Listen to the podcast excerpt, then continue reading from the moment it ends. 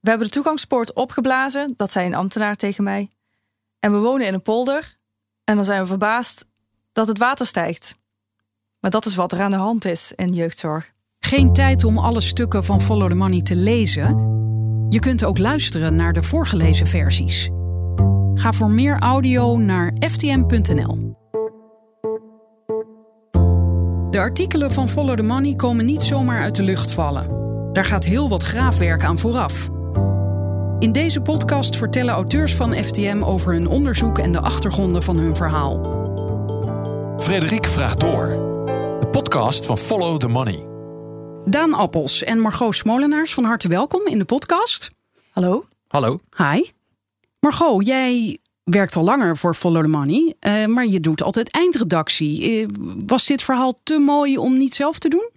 Nou, het is niet zozeer één verhaal. Het is een, eh, een heel uh, mer à boire aan verhalen dat ik eigenlijk niet kon laten liggen. Ik ben al een tijdje bezig met jeugdzorg. Eigenlijk vanaf, uh, vanaf het najaar 2018. Maar dat heeft zich tot dan toe eigenlijk altijd op het Rotterdamse geconcentreerd. En we kwamen daar toen eigenlijk al na een aantal maanden achter dat het, dat het niet zozeer aan de mensen ligt, maar meer aan het systeem van de jeugdzorg. Dat, ja, dat er heel veel dingen eigenlijk niet zo goed gaan. En dat er veel geld weglekt. Dat ontdekten we ook al snel. Dus ja, ik was bij Follow the Money als eindredacteur bezig. Zij zochten naar een onderwerp dat ze landelijk op konden pakken met uh, regio-redacties. En dat moeilijk van de grond kwam in de regio qua onderzoek.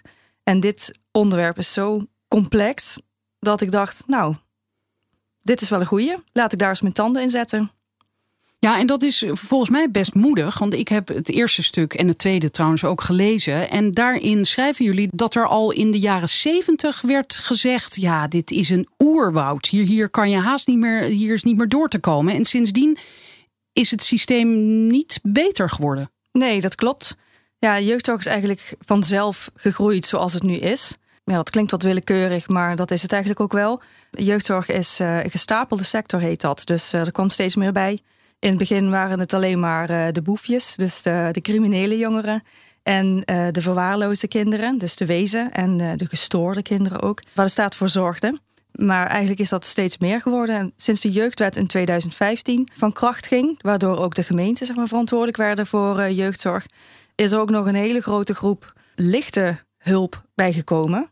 Dus het zijn jongeren met relatief kleine problemen zoals uh, leesproblemen, ADHD, uh, lichte jeugdhulp heet dat dan. En dat is echt een enorme groep kinderen. Dus eigenlijk is dat 100% van, van uh, de kinderen in Nederland. Die hebben wel eens wat. Nou ja, daar kan je dus voor in jeugdzorg terechtkomen. 100% van de kinderen? Ja.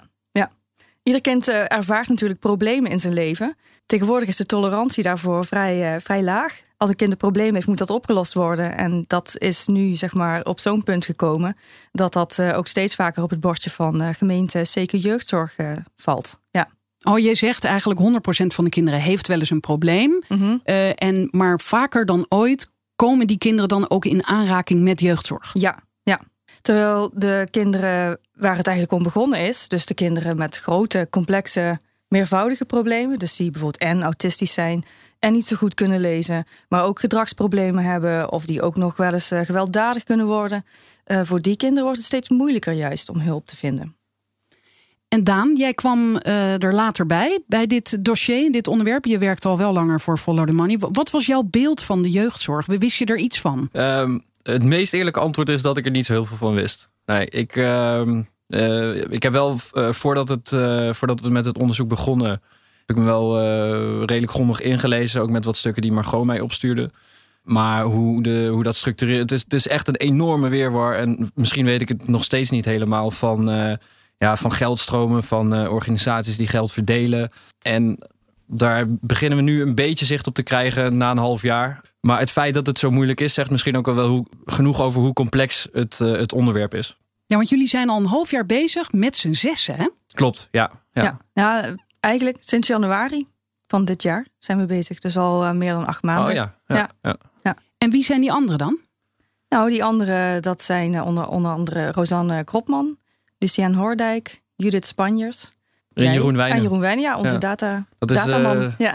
ik, ik hoop dat ik het van hem mag zeggen, maar dat is onze data-nerd. Die weet een beetje de, de kurk waar, waar ons team op drijft. ja.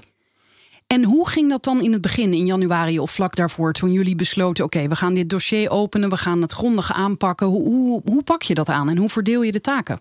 Nou ja, ehm, onze hoofdredactie zei altijd: dit moet uitermate methodisch en heel nauwkeurig. Maar eigenlijk hoe het ging was dat we bij elkaar zijn gaan zitten, uh, een, een, hele hoop stapel, een hele hoop rapporten op een stapel hebben gelegd en gezegd van wat weten we nou als we dit hebben gelezen? En ja, het punt was natuurlijk, wij wilden op zoek naar feiten, data. We wilden gewoon gegevens hebben die hard zijn, die makkelijk te interpreteren zijn, die je met elkaar kan vergelijken. En, en als voorbeeld, wat voor gegevens zocht je dan? Nou ja, neem bijvoorbeeld alleen al het aantal kinderen eh, dat per gemeente uh, jeugdzorg ontvangt. Uh, de gemeenten houden dat zelf bij, maar het CBS ook. Alleen er zit soms wel, ja, er zit soms een marge op van 10%. Het kan echt wel het gaat, dan gaat het echt om tientallen of soms wel honderden kinderen die uh, verschil eigenlijk. Dat is heel gek. Ja. En wij zijn dus op zoek gegaan naar de vraag: hoe kan dat nou dat het zo dat al die cijfers eigenlijk boterzacht blijken te zijn? Ja, ja en uh, wat daarbij ook uh, om daarop aan te haken, het aantal jeugdzorginstellingen. dat is ook volgens mij van 120 in 2014 gegroeid naar 6000 nu. Ja. En het kan zijn. 6000? 6000, ja. En het kan zijn dat daar heel goede redenen voor zijn. Uh, waarom dat zo explosief gegroeid is. Uh, maar het is in ieder geval een, een onderzoek waard. Maar ja. is dat sinds die decentralisatie, ja. toen dus de gemeente meer moesten gaan doen? Of meer of alles? Doen zij alles in de jeugdzorg of een gedeelte? Nou, ze, doen, ze zijn verantwoordelijk voor alles, dus ze moeten voor alles lappen. maar um, ze hoeven niet alles zelf uit te voeren. Dat is dus eigenlijk ook een deel van het probleem. Ze betalen de rekening, maar ze hebben eigenlijk geen ja, beslisbevoegdheid. En ze hebben kennelijk uh, allerlei externe ingehuurd of gecontracteerd. En dat zijn die 6000 instanties? Nee, nee. Je hebt uh, een hele hoop commerciële zorgaanbieders. Ik kan het het beste uitleggen aan de hand van een voorbeeld. Rosanne heeft bijvoorbeeld uh, de gemeente Hogeveen onder de loep gelegd. Want die hadden in februari al beslist... nou, het geld is op, dus we gaan geen nieuwe contracten meer aan... en we gaan geen nieuwe cliënten meer. En de jeugdzorg... cliënten zijn overigens kinderen. Laten we dat eh, even duidelijk maken. Maar um, die, we nemen eigenlijk niemand meer aan. Dat is heel uitzonderlijk, want dat mag eigenlijk niet. Gemeenten zijn verplicht kinderen te helpen en daar ook voor te betalen. Dat, uh, ja, dat heet zorgplicht. Daar zijn ze, dat is gewoon bij wet geregeld. Ja, maar ja, als het geld op is, ja. Ja, als geld op is, is het geld op. Dus we zijn eens gaan kijken, hé, hey, gemeente Hogeveen, kunt u niet uh, inzage geven in hoe u dat geld dan uitgeeft? Toen hebben ze gezegd, nee, dat uh, willen wij niet. We, daar doen we niet aan mee. En toen is Rosanne is alle gecontracteerde zorgaanbieders gaan opvragen en hun jaarrekeningen op gaan zoeken, voor zover ze die gedeponeerd hebben bij het ministerie van Volksgezondheid dat moet, maar meer dan de helft van de instellingen doet dat niet. En wat je dan ziet, is dat er bijvoorbeeld, uh, nou, er zijn zes bedrijven actief in die gemeente die paardentherapie geven. En dat valt onder jeugdzorg. Paardentherapie. Knuffelen met paarden. Ja, en dat is jeugdzorg.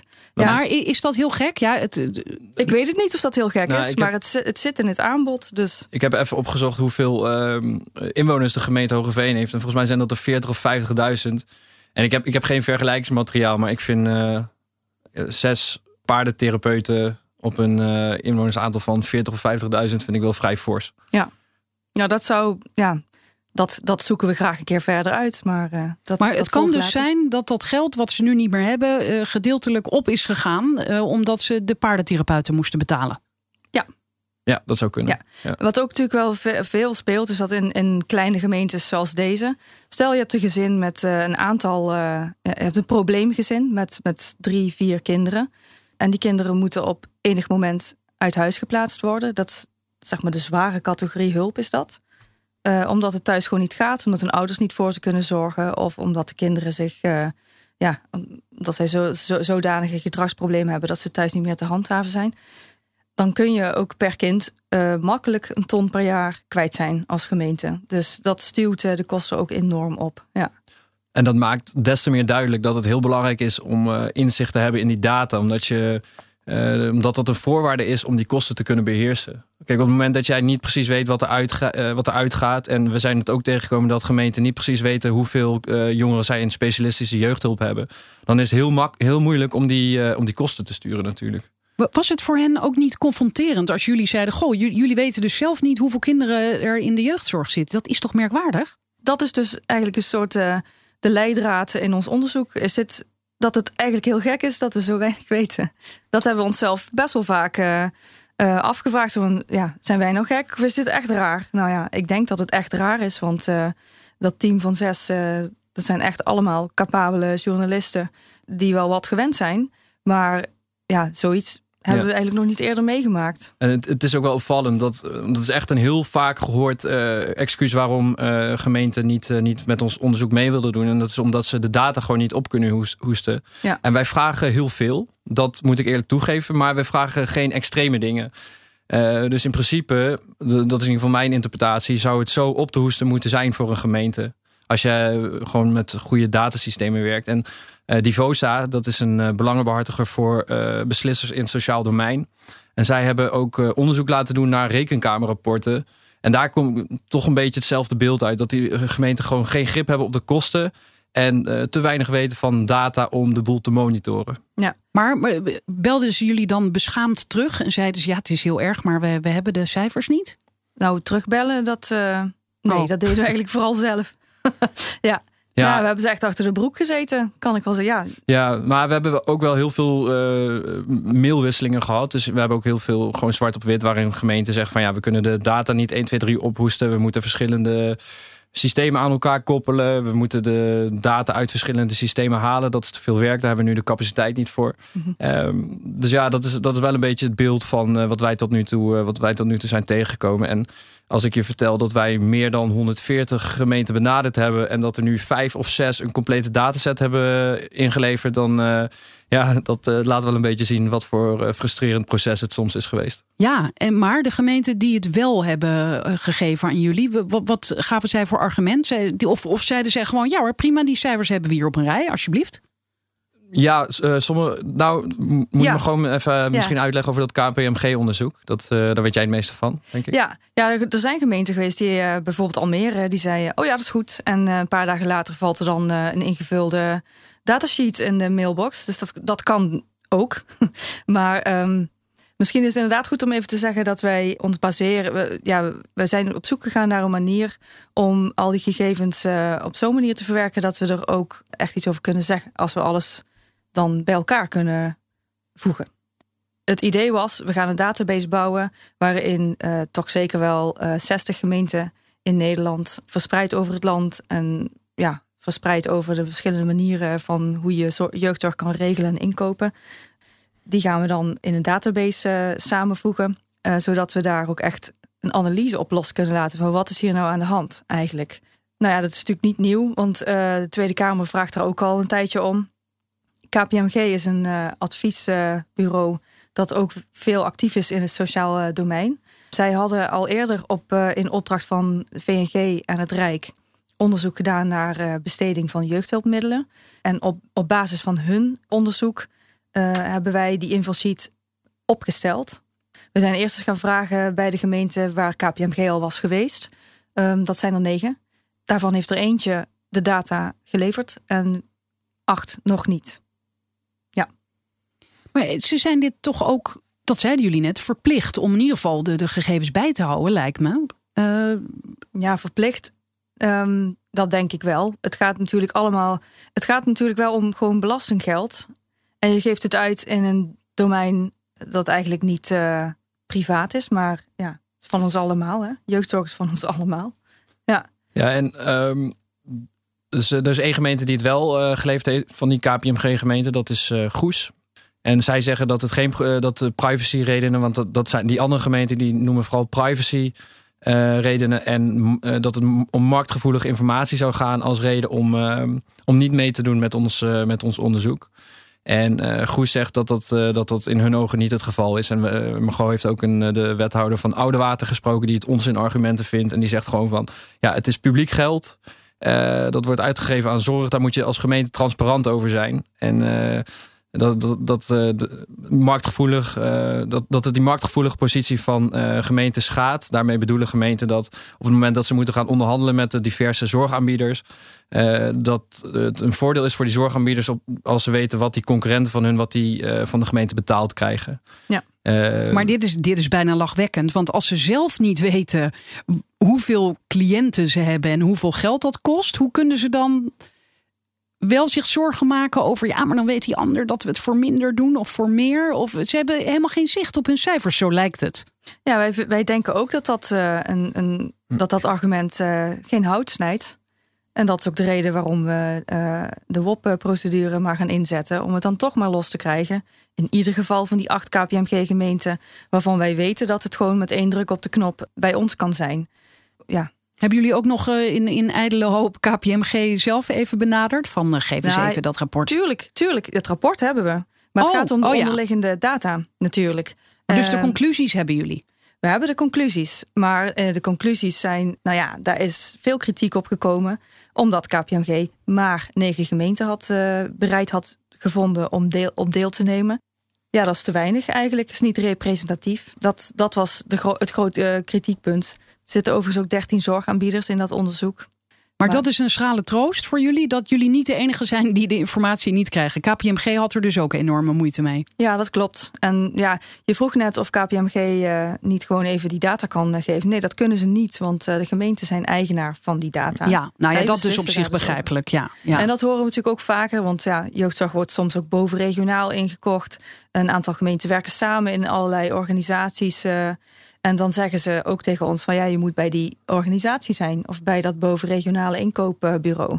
En die zeggen dan weer nee, want de gemeenten zijn eigenaar van hun data. En zo worden we eigenlijk in een soort flipperkast eh, heen en weer eh, gepingpongd. Ja. Ja, en het. ehm, ehm, goed, die, die privacy en marktgevoelige redenen, dat horen we geregeld. Maar ik denk Ja. dat we het meeste horen. eh, de reden dat ze niet meedoen, dat is drukte, corona, vakantie. eh, allemaal tijdgerelateerde dingen. Maar op het moment dat wij aanbieden, want we willen heel erg meebewegen met die gemeente. En op het moment dat we aanbieden om die deadline bijvoorbeeld één of twee maanden naar achter te verschuiven. Waarmee je dus dat tijdsgerelateerde probleem tackelt. Dan, eh, ja, dan eigenlijk in alle gevallen doen ze dan alsnog niet mee. En dan zeggen veel gemeenten van ja, we zien zeker belang in jullie onderzoek. Het is superbelangrijk werk. Maar deze ronde doen wij niet mee omdat we de capaciteit niet hebben. Ja. Deze ronde, zij denken dat er heel veel rondes zijn. Ja, of deze keer. Maar Ja. ja, ja. We laten het voorbij gaan. Ja. Ja. Of ze zeggen van we hebben al ander onderzoek eh, waar we aan meewerken. Dus, ja, eh, maar wat, ook, wat, ik, ja. wat ik zelf frustrerend vind, is dat zij soms ook op onze, op onze stoel gaan zitten. En dan zeggen ze bijvoorbeeld dat jeugdzorg niet in een formatje te vangen is. Eh, of ze zeggen dat wij appels met peren gaan vergelijken. Eh, of ons niet verantwoordelijk voelen voor eh, de resultaten die we straks eh, delen met eh, de regionale Ja, media. ja. Dan denk ik ja, oké. en maar- dan vullen zij in feite in dat wij onze journalistieke plicht niet doen. Ja. En ja, daar, eh, daar lopen ze drie stappen mee vooruit. Want eh, dat is natuurlijk onze taak om dat wel te doen. Nou, het eerste stuk in dit dossier hebben jullie de titel gegeven: Jeugdzorg is zelf een probleemkind. ja, Dat vat het verhaal eh, tot nu toe eh, mooi samen. Maar we waren eigenlijk nog bij het, het- een beetje het begin eigenlijk, waarin Mhm. jullie met die stapels dossier papieren zaten en zeiden: "W- wat zien we hier nu in? ja, En toen waren jullie kennelijk nog behoorlijk optimistisch eh, om het zonder de WOP te kunnen doen. ja. ja ook omdat eh, eigenlijk iedereen waarmee wij spraken zei: Oh, wat goed dat jullie dit doen. Worden jullie soms betaald door het ministerie? Echt? Oh. Ja, maar ja, nee, uiteraard niet. We worden niet betaald door het ministerie. Dat, eh, dat even voorop. De lezers van Follow the Money en de Stimuleringsfonds voor de Journalistiek eh, maken dit mogelijk. Ehm, maar ja, Nou, wat ook wel op zich ironisch is, is dat wij dus voor dit dataonderzoek een subsidie krijgen. Dus we krijgen geld van de overheid. Maar tegelijkertijd wil diezelfde overheid, namelijk de gemeente, die willen niet meewerken aan ons onderzoek. ja. We waren dus inderdaad best optimistisch. Want eh, ja, ik goed. denk dat iedereen dit, eh, dit niet had verwacht. Dat Nee. het zo, eh, zo ontiegelijk moeizaam zou gaan. Ja. En wat, wat heel erg is eigenlijk, is dat wij in feite die gemeente helpen om, de, om op een landelijke schaal inzicht te geven. En ook op een lokale schaal trouwens, inzicht te geven in die geldstromen. Eh, en ze hebben stuk voor stuk hebben ze dus miljoenen tekorten. En heel vaak worden die veroorzaakt door de tekorten op jeugdzorg. Wat zijn ze nu aan het doen? Ze zijn op dit moment bezig met een lobby om in Den Haag eh, geld los te krijgen. Omdat 2 ze. miljard. 2 miljard. Ja, omdat ze dus die Ja. tekorten hebben. Maar dan zou ik zeggen van ja, als wij dan met zo'n onderzoek bezig zijn om inzicht te geven in die tekorten eh, en om die geldstroom in kaart te brengen, doe dan ook met ons mee en eh, ben transparant. eh, laat zien waar het geld naartoe gaat, zodat wij ook conclusies kunnen trekken waar gemeenten dan vervolgens weer wat mee kunnen. Dat eh, ehm, geeft mij te denken, want dus of ze hebben het heel slecht bijgehouden en ze kunnen het helemaal niet laten zien, of ze weten dat ze het eigenlijk aan de verkeerde dingen hebben uitgegeven, of de verkeerde dingen, of dat achteraf bleek dat het verkeerd was, dat het te weinig opleverde voor de kinderen. Bijvoorbeeld met die paardentherapie, om maar even met dat, bij dat voorbeeld te blijven. Of wat zou nog een andere reden kunnen zijn waarom ze geen inzicht willen geven? Nou ja, ik denk dat uh, angst ook wel een rol speelt. Ja, kijk, veel gemeenten zijn bang uh, dat, uh, ja, dat ze afgefakkeld worden op basis van wat ze, wat ze gedaan hebben of niet gedaan hebben in jeugdzorg. Maar ja, ze vergeten dan dat, dat zij niet de enige gemeente zijn die in, een, in zo'n situatie zitten. Er zijn heel erg veel gemeenten die gewoon miljoenen tekorten hebben. Op het, en, dat wordt veroorzaakt door jeugdzorg, zeggen ze zelf. Dus wij, willen, wij vragen ons wel af: is 4,2 miljard echt te weinig om jeugdzorg te betalen? Of doen we er gewoon de verkeerde dingen mee? En Want ze dat, krijgen nu dus 4,2 miljard, maar ze willen er 2 miljard bij. Dus ze zeggen zelf, er is 6 miljard nodig. Ja, dat gaat over het hele sociaal domein. Daar valt niet alleen jeugdzorg onder, maar ook uh, de wet maatschappelijke opvang, zeg ik dat goed? Ja. Uh, dat is eigenlijk altijd de reflex geweest bij jeugdzorg. Uh, het gaat niet goed, dus we hebben meer geld nodig. Meestal kwam het Rijk dan over de brug met meer geld. Maar ja, amper vijf jaar later ging het weer niet goed. Moest er weer geld bij, enzovoort, enzovoort. Ja, misschien zei ik het net ook al, maar mijn verbazing is nog niet verdwenen dat ja. ze weten niet, zeggen ze, hoeveel ze uitgeven, maar ze weten wel dat ze te weinig geld hebben. Rara, ja, hoe kan dat? Precies, goede vraag. En eh, dat onderzoek dat ik net, uh, net aanhaalde van Divosa, uh, dan doe ik het even uit mijn hoofd, maar ik weet het vrij zeker. Die hebben dus die rekenkamerrapporten onder andere bestudeerd. En Divosa zegt dat van 2015 tot 2018 inderdaad een toename is van 13% van het aantal jongeren in jeugdzorg. Maar de kosten zijn met 42% gestegen.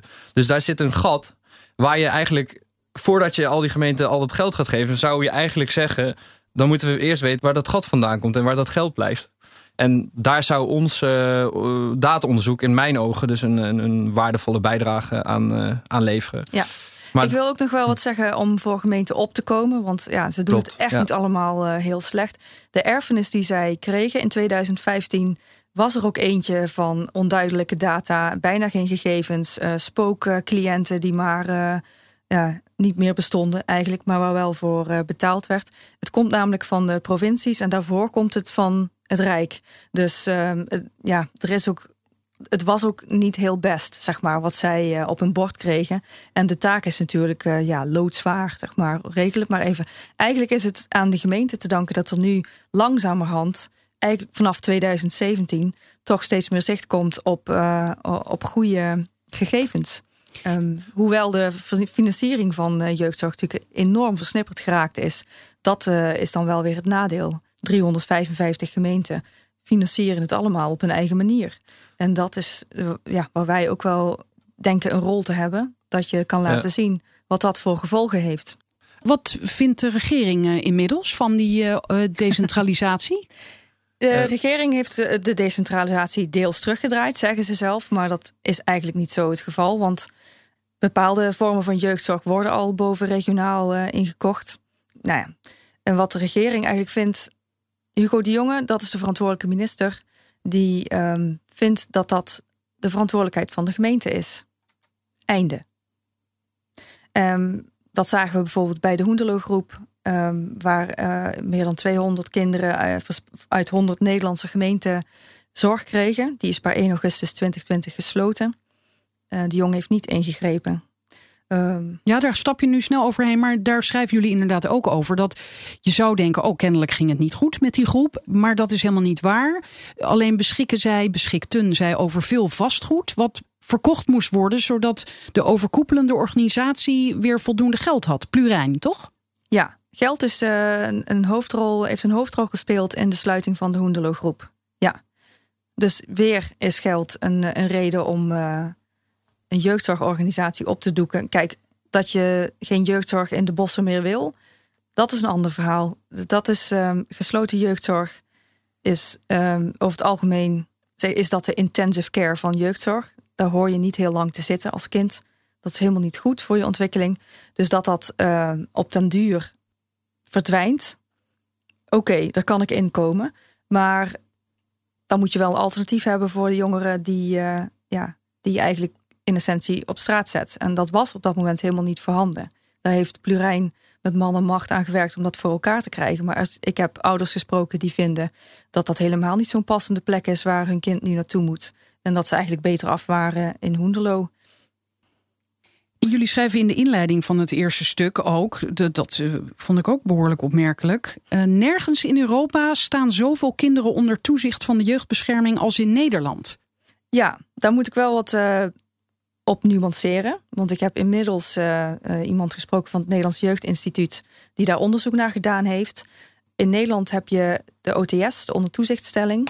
En dat bestaat in heel veel andere Europese landen niet. Dat is een, een, een ja, juridische maatregel is dat, die de rechter kan uitspreken, waardoor een kind onder toezicht van de jeugdbescherming komt te staan. Jeugdbescherming krijgt daarmee ook verregaande bevoegdheid om in te grijpen in het leven van een kind.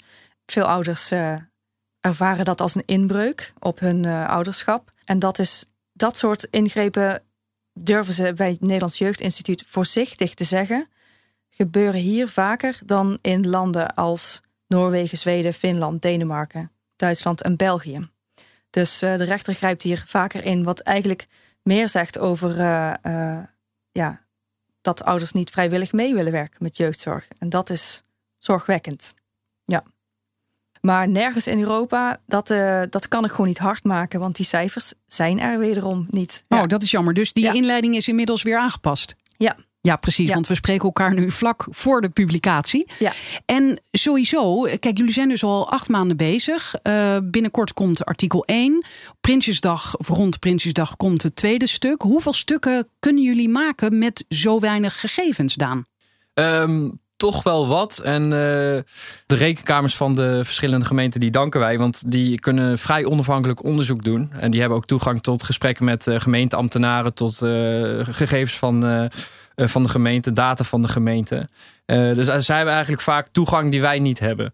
En uh, ik haalde in het begin haalde ik al dat uh, rekenkameronderzoek van Divosa aan, dat Divosa heeft laten uitvoeren. Uh, en ik ben zelf nu samen met een collega van het Noord-Hollands Dagblad bezig met een onderzoek naar de gemeente Zaanstad. en de rekenkamer daar concludeerde dat de, zowel de toename van jongeren in de specialistische jeugdhulp als de bezuinigingen van het Rijk geen verklaring vormen voor de 1 miljoen tekorten van de gemeente Zaanstad. Ik hoop dat je dat nog kan, uh, kan volgen. Ja, maar, dus, dus ze hebben misschien toch stiekem het geld ergens anders aan uitgegeven? Ja, ja, ja. ja. Nou ja, de, ze, belangrijke oorzaak uh, van die miljoenen tekorten, of in ieder geval wat ertoe zou kunnen leiden, is dat ze hun data totaal niet op orde hebben. Uh, die onderzoekers die ik daarover sprak, die spraken van totaal inconsistente data. Uh, en in verschillende jaarverslagen en zo stonden dan weer dit bedrag, dan weer dat bedrag. En wat ook heel opvallend is, is dat zij uh, jarenlang uh, spookjongeren door de bestanden hebben zweven. En die term die ken ik eerst ook nog niet. Maar dat zijn jongeren die eerst jeugdhulp kregen. En dan om wat voor reden dan ook, of ze te oud zijn of dat ze geen hulp meer nodig hadden, uit de jeugdhulp zijn gestroomd. Maar de gemeente Zaanstad dacht drie jaar lang dat ze toch nog uh, jeugdhulp ontvingen. En, uh, en betaalden ze dat dan ook? nee, dat, dat niet. Dat, dat niet. niet. Nee. Okay. Nee, maar goed. Maar, maar dat, wacht even. Dus ze dachten, we hebben er uh, een x aantal. Ja. En zij zeggen nu ook, ons geld is op. Dat is knap dan, terwijl het spookjongeren waren. Ja, nou goed, maar het is natuurlijk lastig om meteen een conclusie te trekken uh, dat die tekorten ja. daardoor komen. Maar uh, die, het Algemene Rekenkamerrapport is 32.000 uh, woorden. Het is mm. heel erg hard. uh, en ze trekken diverse conclusies. Maar het is bijvoorbeeld ook als een, als een jongere. ze betalen daar voorschotten bij sommige zorgtrajecten. En als, als een jongere dan van eerst bij zorgaanbieder A begon, in de loop van de tijd naar B ging en in de loop van de tijd weer naar C ging, dan werd in eerste instantie bij A 70% van het traject voor een jaar werd al vergoed. Bij B gebeurde dat nog een keer. En bij C nog een keer. In plaats van uh, wat er A betaald was, naar C door te schuiven. Dus ze betaalden een aantal keer een voorschot voor ja. één cliënt. Ja, we zeiden al dat het complex was. Hè? Nou, dit ja. is dus een nou, voorbeeld van hoe. hoe uh, het, er is niks zwart-wit in, uh, in jeugdzorg. Alles is grijs. Ja. En dan in honderd verschillende tinten. Ja. Maar jij lacht er nog soort van wel bij. Dus je bent ja. nog niet de wanhoop nabij. Nee, maar ja, uh, op, op den deur word je wel een beetje cynisch. Denk van, nou, kom op. Is er dan helemaal niemand die het op een rijtje heeft? Maar Gelukkig kunnen we inmiddels zeggen ja. Er zijn wel gemeenten die het redelijk op orde hebben. En die grip krijgen op, ehm, op hoe eh, jeugdzorg geregeld en betaald is. ja, we zijn bijvoorbeeld ook bij een gemeente geweest die ons gewoon heeft laten zien hoe hun systeem eruit ziet. En daar word je dan wel ja, vrolijk van. Want zij weten precies, zo van, oh kijk, hier hebben we een gezin met zoveel kinderen. Al die kinderen krijgen hulp. Nou, dat kost dus zoveel geld. En als we wat eerder hadden ingegrepen, was het misschien veel minder geweest. Ja. En eh, er is ook een gemeente die uh, standaard de vraag stelt aan ouders, wat ook heel bijzonder is. Dus uh, op het moment, eigenlijk als de gemeente ingeschakeld wordt, dan is het meer van, nou, wij vinden dit, uh, deze hulp is nodig, jullie moeten dat betalen, eigenlijk. Maar deze gemeente die zegt, is het wel nodig? Heeft uw kind echt ADHD? Of is uw kind gewoon een beetje druk? Wat vindt u zelf, ouders? En op, ja, dat is dat soort uh, boerenverstand, dat zien we wel toenemen. Ja. Dat is, dat is bemoedigend. Ja. Wat me gewoon in het begin zei, het, het is natuurlijk ook niet niks. Want die, die gemeenten die hebben ineens hebben ze een enorm takenpakket erbij gekregen. En uh, het is in zekere zin ook wel logisch dat je dan een, een jeugdzorgsysteem voor jezelf op moet gaan bouwen. En daar moet je ze in zekere zin ook de tijd voor geven. Alleen uh, dat staat op zichzelf. En die uh, verplichting tot transparantie en, en, en het belang van transparantie, dat staat natuurlijk ook op zichzelf. En ondertussen zitten natuurlijk ook ontzettend veel kinderen te wachten op de juiste hulp. Die het echt heel hard nodig hebben. Ja. Dat moeten we ook niet vergeten. Die kinderen hebben geen stem. Die kunnen niet voor zichzelf opkomen. Die zitten in situaties waar ze niet om gevraagd hebben. En ja, ondertussen wordt er gehakkeld over de rekening. En hun ontwikkeling staat stil. Dat, uh, ja, dat, ik vind dat onacceptabel. Ja. En dat is inderdaad ook weer een, een rekening die bij de maatschappij uh, komt te liggen. Dus in, in dat opzicht uh, zou ik denken, nou ja, doe er dan nog maar wat meer geld bij. Maar uh, gemeentes, hallo, ga het wel even bijhouden waar je het aan uitgeeft. Ja, de meeste gemeenten zijn er ook wel, wel aardig mee uh, op weg. Dat ze het niet met ons willen delen, is natuurlijk een ander verhaal. Maar, uh, maar ja, wat, wat, jullie aan het begin, wat jij aan het begin zei, Margot, van ja. ja. de Tweede Kamer wil ook heel graag inzicht krijgen. Dat, dat is toch eigenlijk van de gekke dat jullie dus het werk doen ja, nou, voor de Tweede Kamer? Ze vragen ook om follow the money-achtig onderzoek, de Tweede ja. Kamer. Ja, ja dat is natuurlijk een compliment, mensen. Maar dat is van de gekke, toch? Ja, eigenlijk wel. Ja, er is nu op dit moment een onderzoek gaande naar hoeveel uh, geld er structureel bij moet in de jeugdzorg.